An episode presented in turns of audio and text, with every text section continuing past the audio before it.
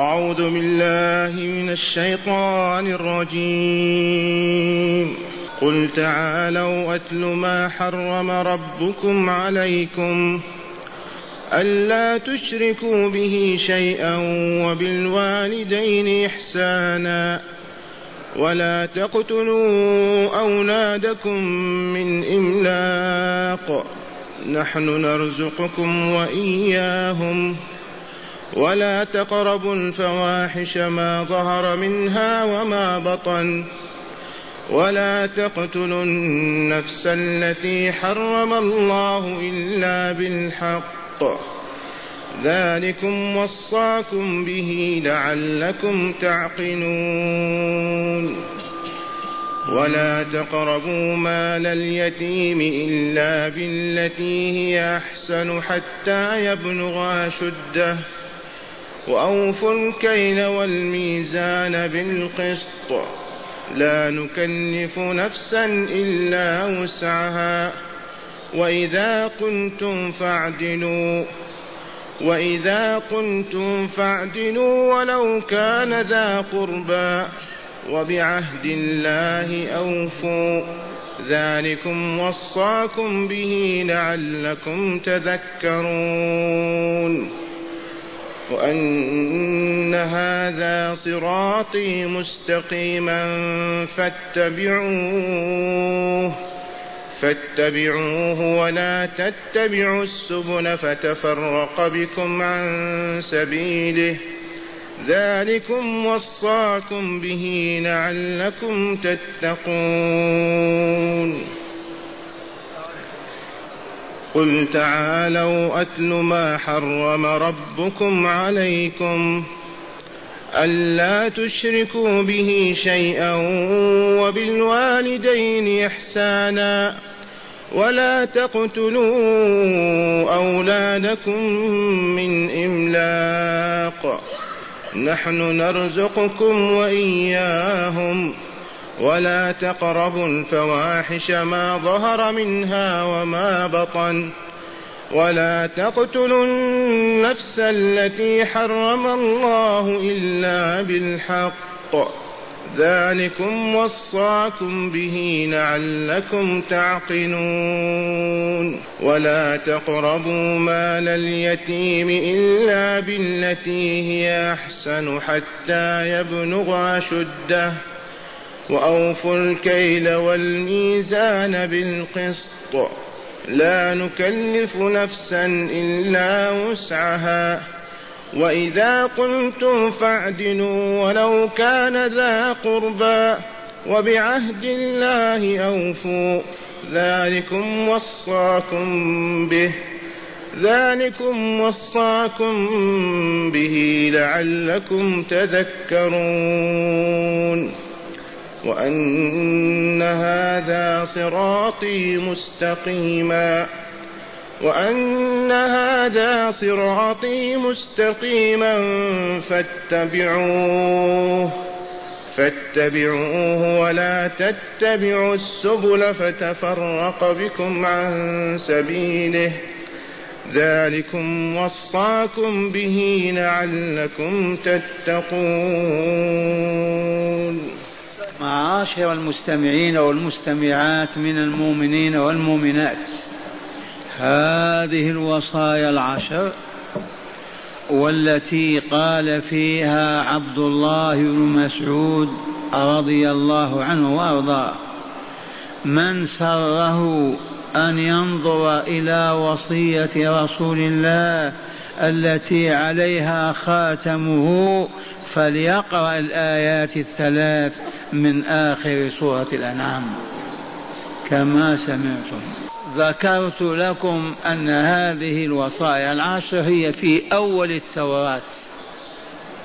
وعبث بها اليهود وخرجوا عن دائرتها بالمرة.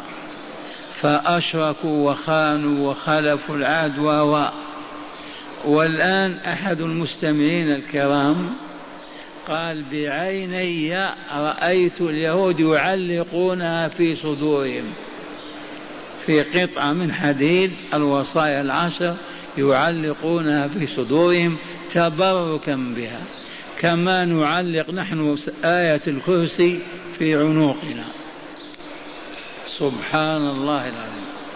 كثيرون منا يعلقون آيات ولا يعملون بها. فكذلك بنو عمنا عليهم لعائن الله. أعرضوا عن تنفيذها بالمرة. وفي نفس الوقت يتبركون بها ويعلقونها في صدورهم. لا إله إلا الله.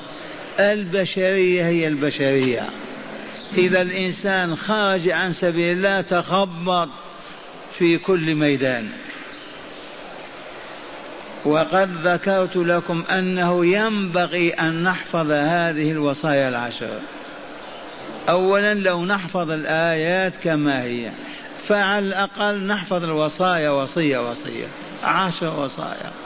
من أعظم الوصايا والذي يهملها هلك والذي يوفق لمعرفتها وتطبيقها نجا وفاز وسعيد. أول وصية ألا نشرك بالله شيئا. لا في ربوبيته بأن نعتقد أن فلان يفعل ويفعل ويخلق ويوجد ولا في ألوهيته بأن نعبد معه غيره ولو بالحلف به. فضلا عن الانحناء والركوع له فضلا عن الذبح والنذر له. لا إله إلا الله. لا نشرك بعبادة ربنا أحدا من الشركاء ولا من الشرك. إذ هذه أول وصية. إذ قال تعالى قل تعالوا. نادى أولئك العادلين بربهم الذين يحللون ويحرمون ويشرعون بأهوائهم وتزيين الشياطين لهم. تعالوا أقرأ عليكم ما حرم ربكم عليكم. لا ما حرمتم أنتم على أنفسكم. يأمر الله تعالى رسوله صلى الله عليه وسلم أن يقول للمشركين العادلين به تعالوا أتلوا أقرأ على ما حرم ربكم عليكم وعلى غيركم. كما قلت بالأمس الجار المزور هنا تأخر لتعطف عليه ما شئت. لو قال أتلوا ما حرم عليكم ربكم لكان خاصا بهم. لكن قوله أتلوا ما حرم ربكم عليكم وعلى غيركم ما من كائن ما من مخلوق إلا وحرم عليه هذه التي ذكر تعالى. ألا تشركوا به شيئا هذه الوصية الأولى. وهي معنى لا إله إلا الله قولا واعتقادا وعملا. لا نعرف من نلتفت إليه بقلوبنا ابدا إلا الله. هو المعطي هو المانع الضار النافع المحيي المميت. بيده كل شيء وإليه مرجع كل شيء. اذا فقلوبنا معه. لا نرى غير الله عز وجل.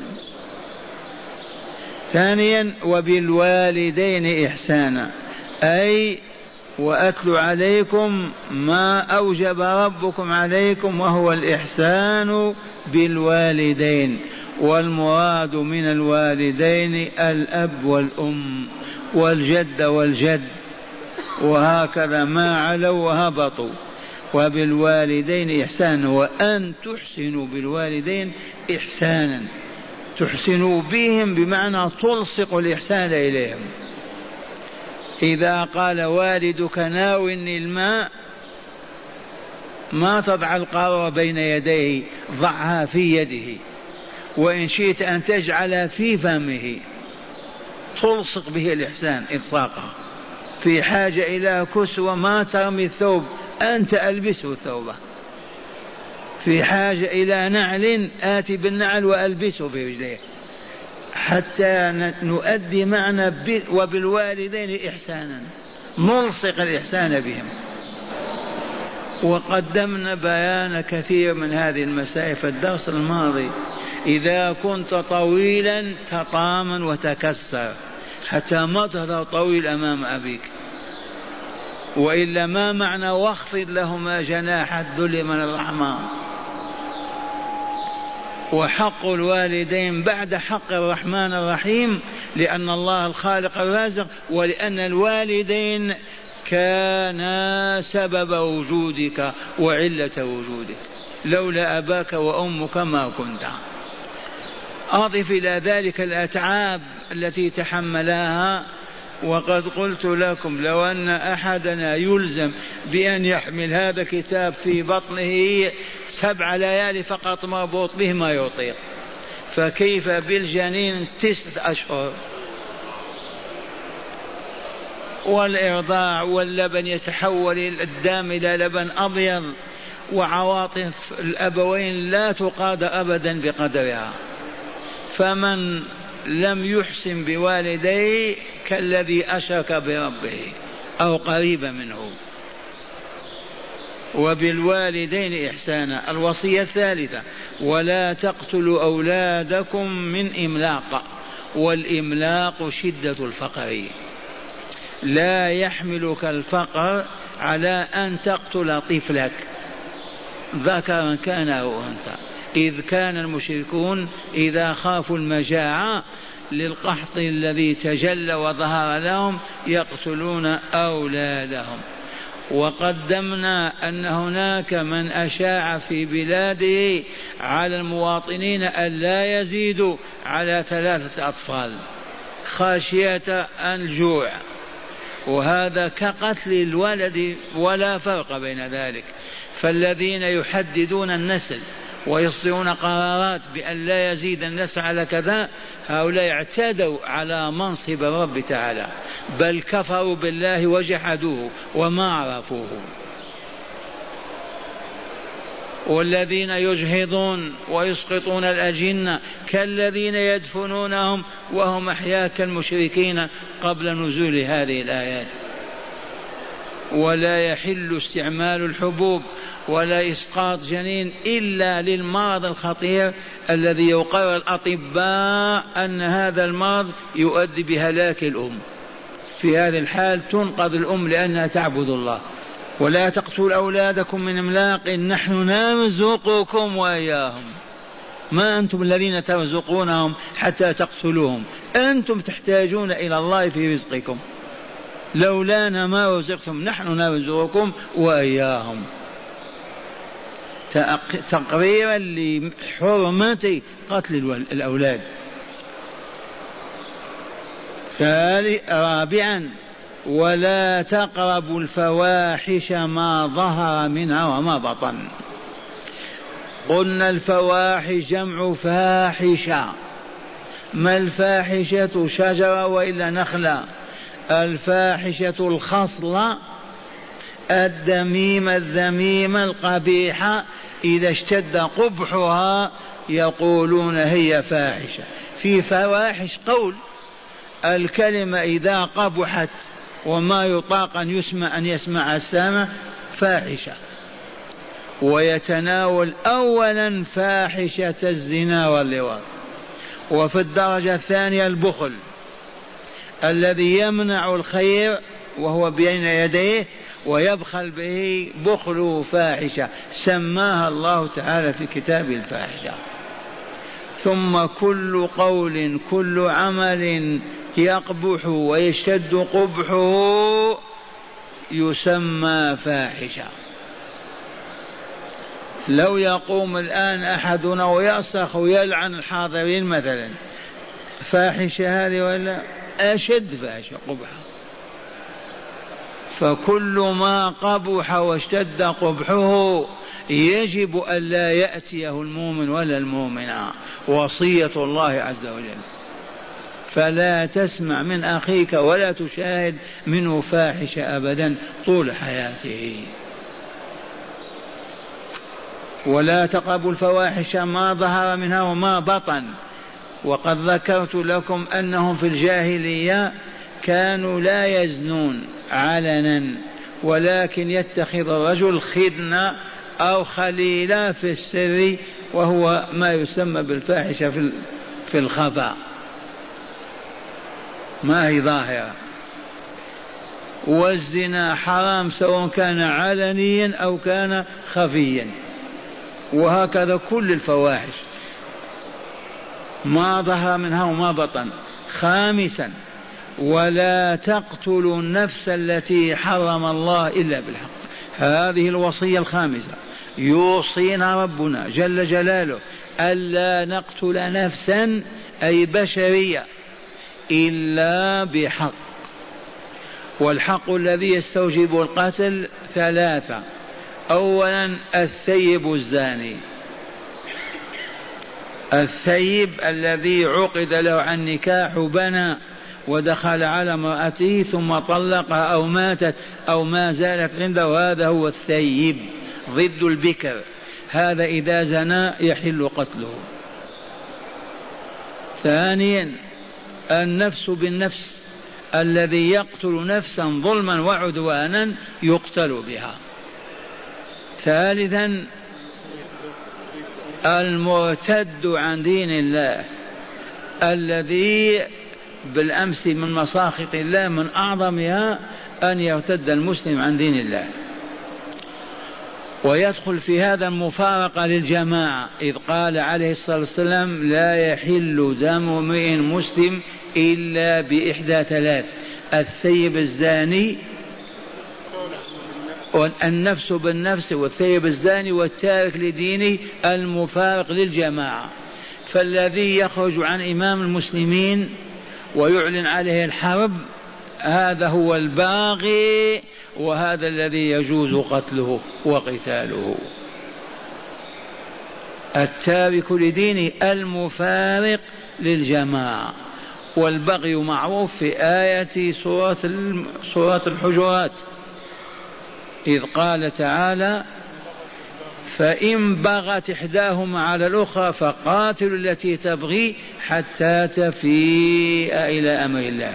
هذا معنى قوله ولا تقتل النفس التي حرم الله إلا بالحق حرم أي قتلها إلا بموجب القتل وهو واحدة من ثلاث. ذلكم المذكور لكم من قوله ألا تشركوا بالله شيئا. إلى قوله ولا تقتلوا النفس هذه خمس وصايا.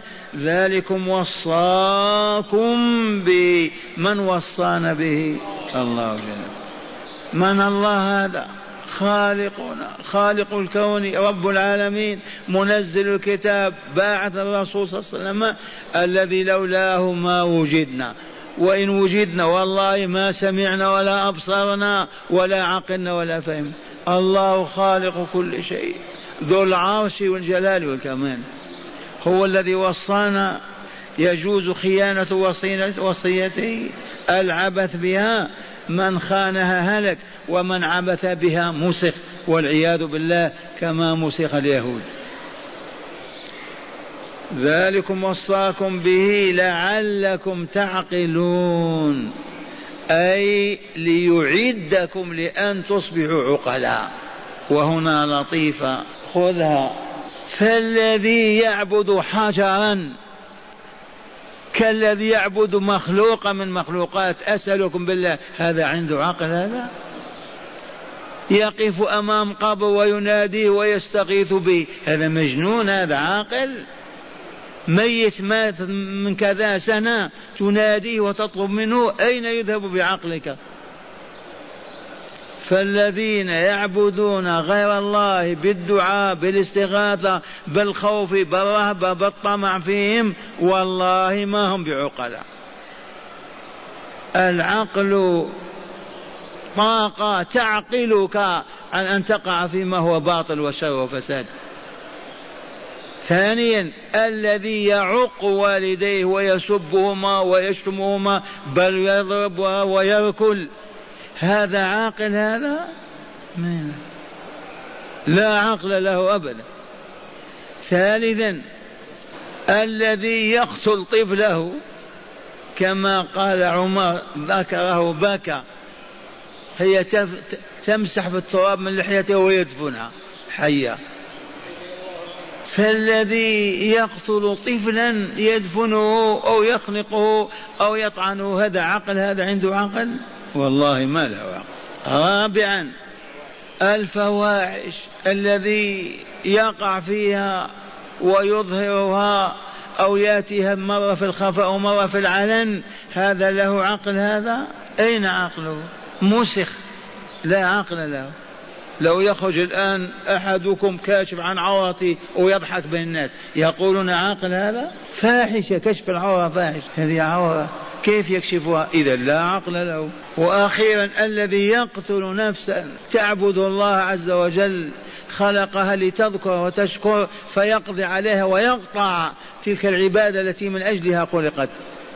هذا له عقل هذا؟ لا عقل له. فلهذا الذين يطبقون الوصايا الخمس هذه هم العقلاء. الذي يعزم على تطبيقها بالفعل ويمتثل أمر الله والله لا يصبحن من أعقل الناس. لأن لعل هنا الإعدادية ليعدكم لأن تكونوا عقلاء. هذه الآية الأولى فيها خمس وصايا. الآية الثانية قال قال وقوله الحق. ولا تقربوا مال اليتيم إلا بالتي هي أحسن حتى يبلغ أشده. ولا تقربوا أيها الفحول مال اليتيم بأي صلة بأي قرب. وقربك من مال اليتيم لتأخذه. ولا يصح الأخذ من مال اليتيم ولو حبة عنب فقد والده فقد وليه فقد عائله فقد من يرحمه وعنده مال يجب أن يحفظ هذا المال حتى يكبر هذا الولد ويبلغ أشده ويصبح عاقلا ويتسلم مال والده ويتصرف فيه. فلا يحل أخذ مال اليتيم ولا تقربوا مال اليتيم. اللهم إلا بالتي أحسن. كأن تنميه له كأن تحفظه له كأن تبعد عنه ما تخاف عنه يقربه بالقرب بالحال التي هي أحسن. تعود بالحسن على المال لينمو ليحفظ لي وما إلى ذلك. أما أن يقربه ليأكله ليتصرف فيه من أجل مصلحته هذا حرام من أشد المحرمات. لهذه الآية ولآيات كثيرة في في القرآن الكريم. ولا تقربوا مال اليتيم اللهم إلا بالتي هي أحسن. ما هي الحال التي أحسن؟ تقربه لتحفظه. كذا ولا لتنميه في زراعة أو صناعة. لتذهب عنه كذا فساد وهكذا تقربه بالتي هي أحسن له للمال ذلك. بالحالة التي هي أحسن له. تتولى رعايته وولايته. نعم هذه حال حسنة. إلا بالتي هي أحسن حتى يبلغ أشده. الأشد هو البلوغ مع الرشد. إذا بلغ الولد وهو سفيه ما يعطى المال حتى يبلغ أشده أو الأشد هو البلوغ مع الرشد والرشد ضد السفه وابتلوا اليتامى حتى إذا بلغوا النكاح فإن آنستم منهم رشدا فادفعوا إليهم أموالهم ولا تأكلوا إسرافا وبدارا أن يكبروا. وما كان غنيا فليستعفف وما كان فقيرا فليأكل بالمعروف. أيها الوصي على مال اليتيم إذا كنت فقيرا فخذ قدر ما تحتاج لأنك ترعى إن كان غنم وتحافظ إذا كانت تجارة و هذه الأعمال خذ ما تحتاج إليه. منها. وإن كنت غنيا فاشتغل ليل نهارا في مال اليتيم ولا تأخذ قرشا واحدا. إذا ولا تقربوا أيها المؤمنون أيتها المؤمنات مال اليتامى جمع يتيم أو يتيما واليتيم من فقد أباه لا فقد أمه. الحيوانات من فقد أمه هو اليتيم وبنو آدم من فقد أباه هو اليتيم. الجد إذا ماتت أمه أصبح يتيم ولا وإن كان ألف عتوس ولا تسمعه ما تنفع. إذا ولا تقربوا مال اليتيم إلا بالتي هي أحسن حتى يبلغ. أي إلى أن يبلغ أشده. ممكن اليتيم في عمره سنة ومات أبوه. عشر سنين بقي خمس سنوات. ولهذا قال حتى أي إلى أن يبلغ أشده البلوغ مع رشد ما بلغ وإن كان ناشطا وحكيما ما يعطى المال. قبل أن يبلغ. بلغ وهو سفيه. جربه أعطيه عشر ريالات قل اشتري لنا كذا وانظر كيف يتصرف. إذا وجدته حكيما لا بأس. لا بد من الامتحان. على الأوصياء والأولياء أن يمتحنوا أولادهم اليتامى إذا بلغوا السن حتى إذا آنسوا منهم الرشد دفعوا إليهم أموالهم.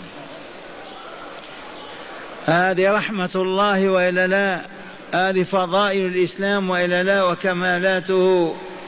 ومع الأسف مشينا مع درب بني عمنا في الغالب. ولا تقربوا مال اليتيم إلا بالتي هي أحسن حتى يبلغ أشده. سابعوا الوصايا وأوفوا الكيل والميزان بالقسط. أوفوا وفوا لا تنقصوا لا تبخسوا. أوفوا الكيل إذا كلتم والميزان إذا وزنتم بالقسط. ألا وهو العدل؟ ما القسط؟ إنه العدل. إذا كلت يا عبد الله أو وزنت أيها التاجر فزن وكل بالعدل. ولطيفة كررناها سنين. لما رزقنا الله الهجرة إلى مدينة الرسول صلى الله عليه وسلم وكان سكانها قليلين. ما عندنا كهرباء ولا ماء وكنا أحسن حال من الآن مليون مرة في صبرنا وصلاتنا. آتي أشتري من الدكان شيئا. يضع البضاعة سكر وإلا كذا ويسقط الميزان قل سقط الميزان قل يسكت. الله أمرنا بهذا. ثباتهم فتعجبت كيف هذا يتم.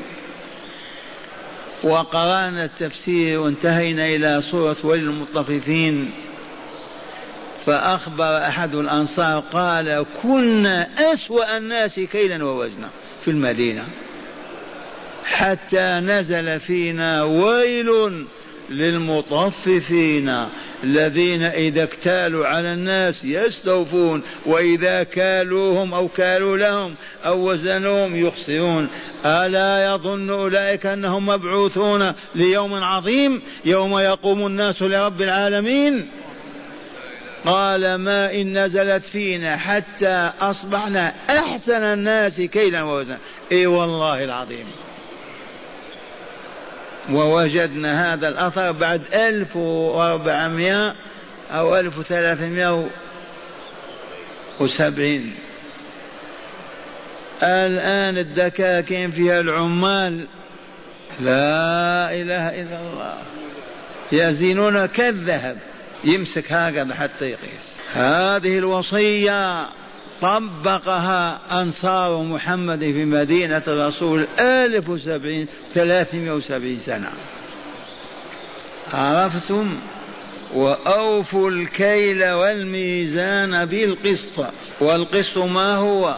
العدل. ثم قال تعالى وأوفوا الكيل والميزان بالقسط. لا نكلف نفسا إلا وسعها.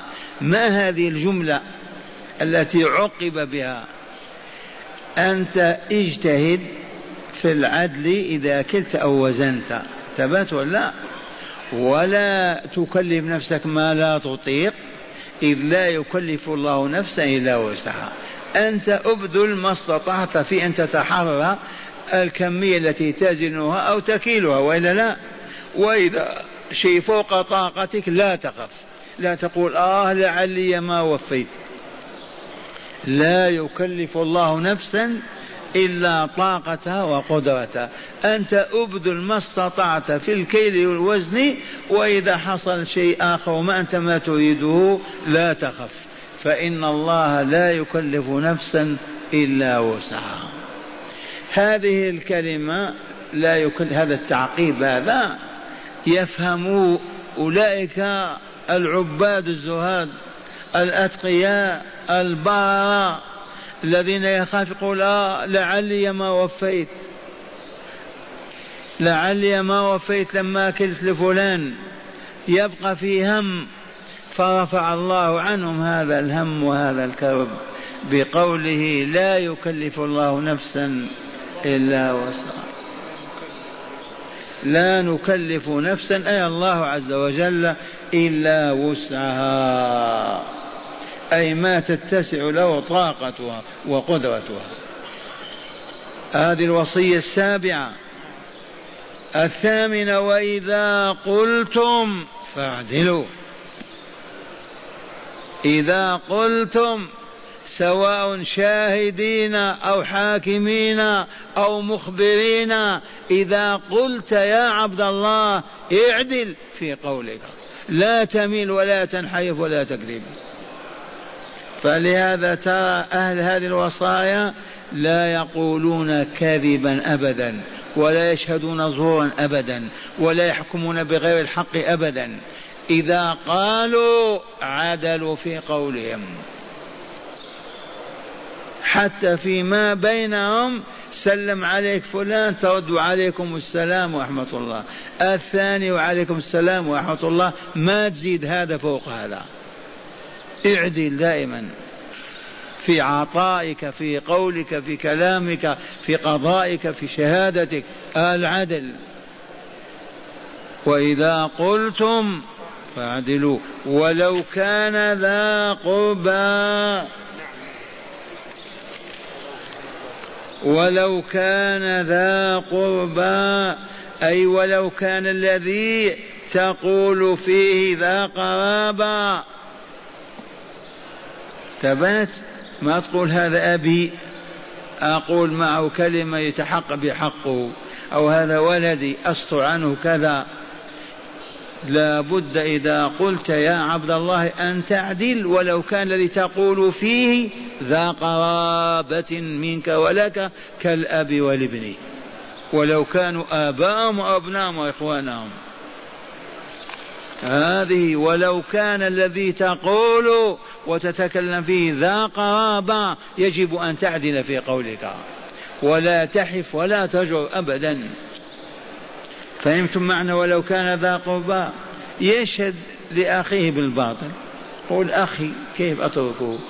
يشهد لأبيه يشهد لمواطنه. حدثني أحد القضاة قال شهد ثلاثون رجلا مع واحد من قبيلتهم وهو ظالم وكاذب. إذا هذه الوصية السابعة الثامنة ولا نعم و... و... وإذا قلتم فاعدلوا في ماذا؟ في قولكم.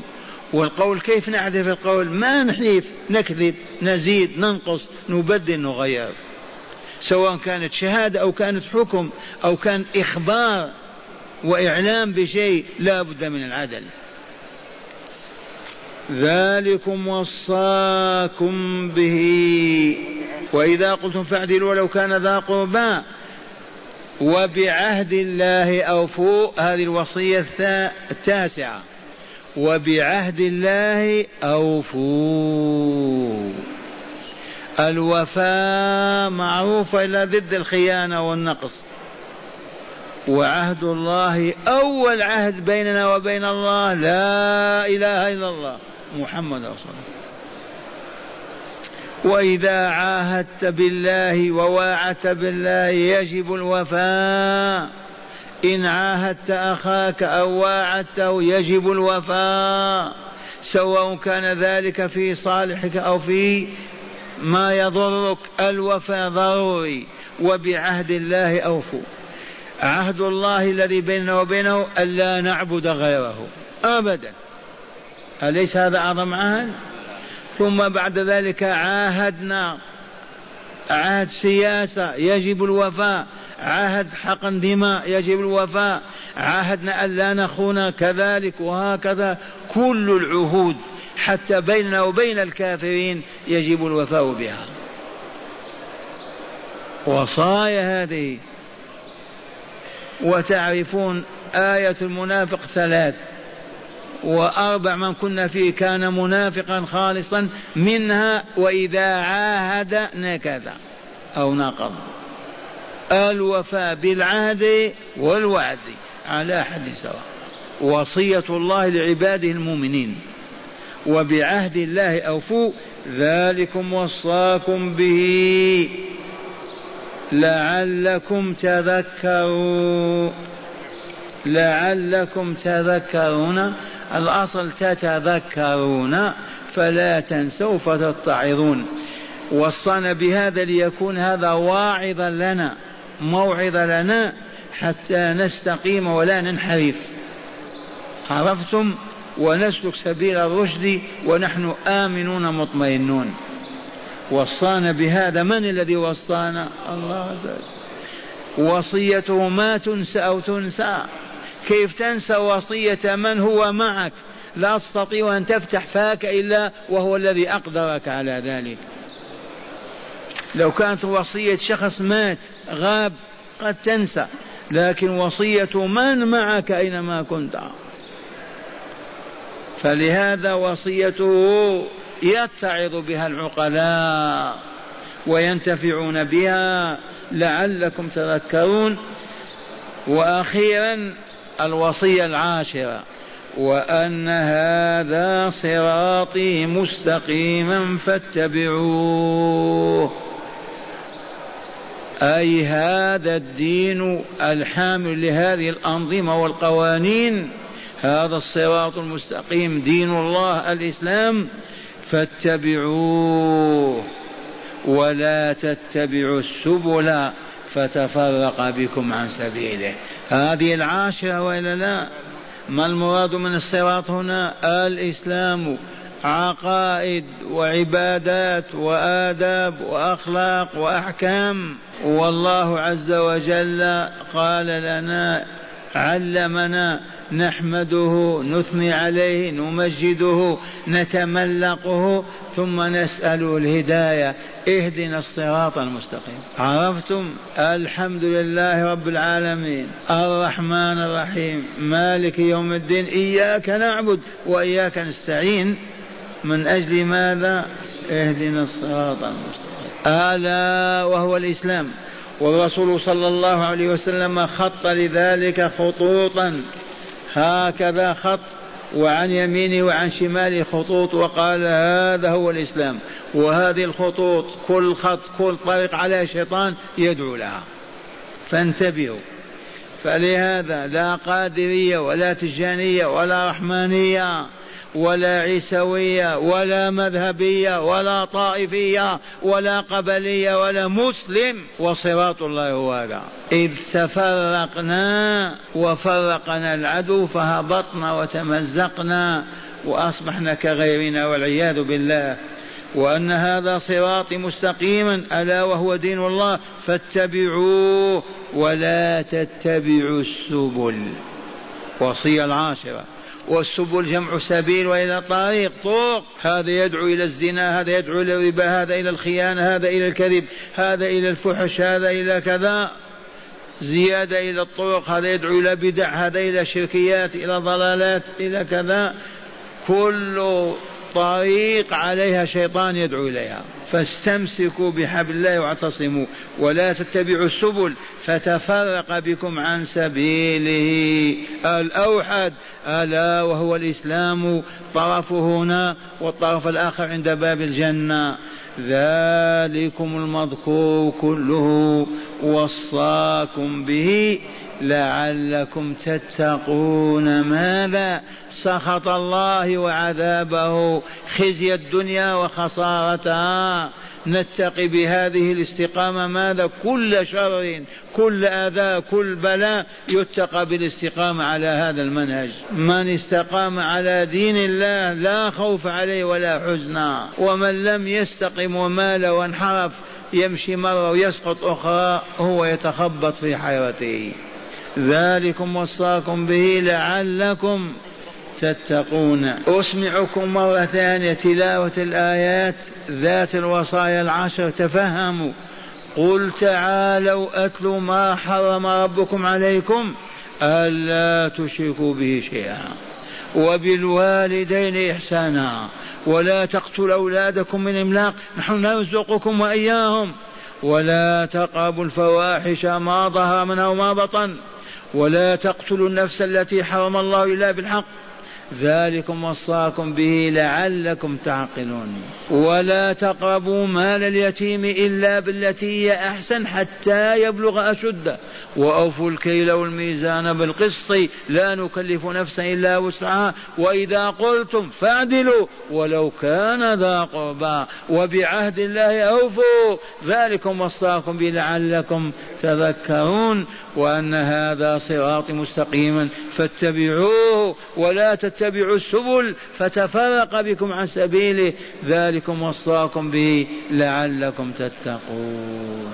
نتقي ماذا؟ ذل الدنيا وخسارتها. عذاب الآخرة وحرمانها. الحمد لله.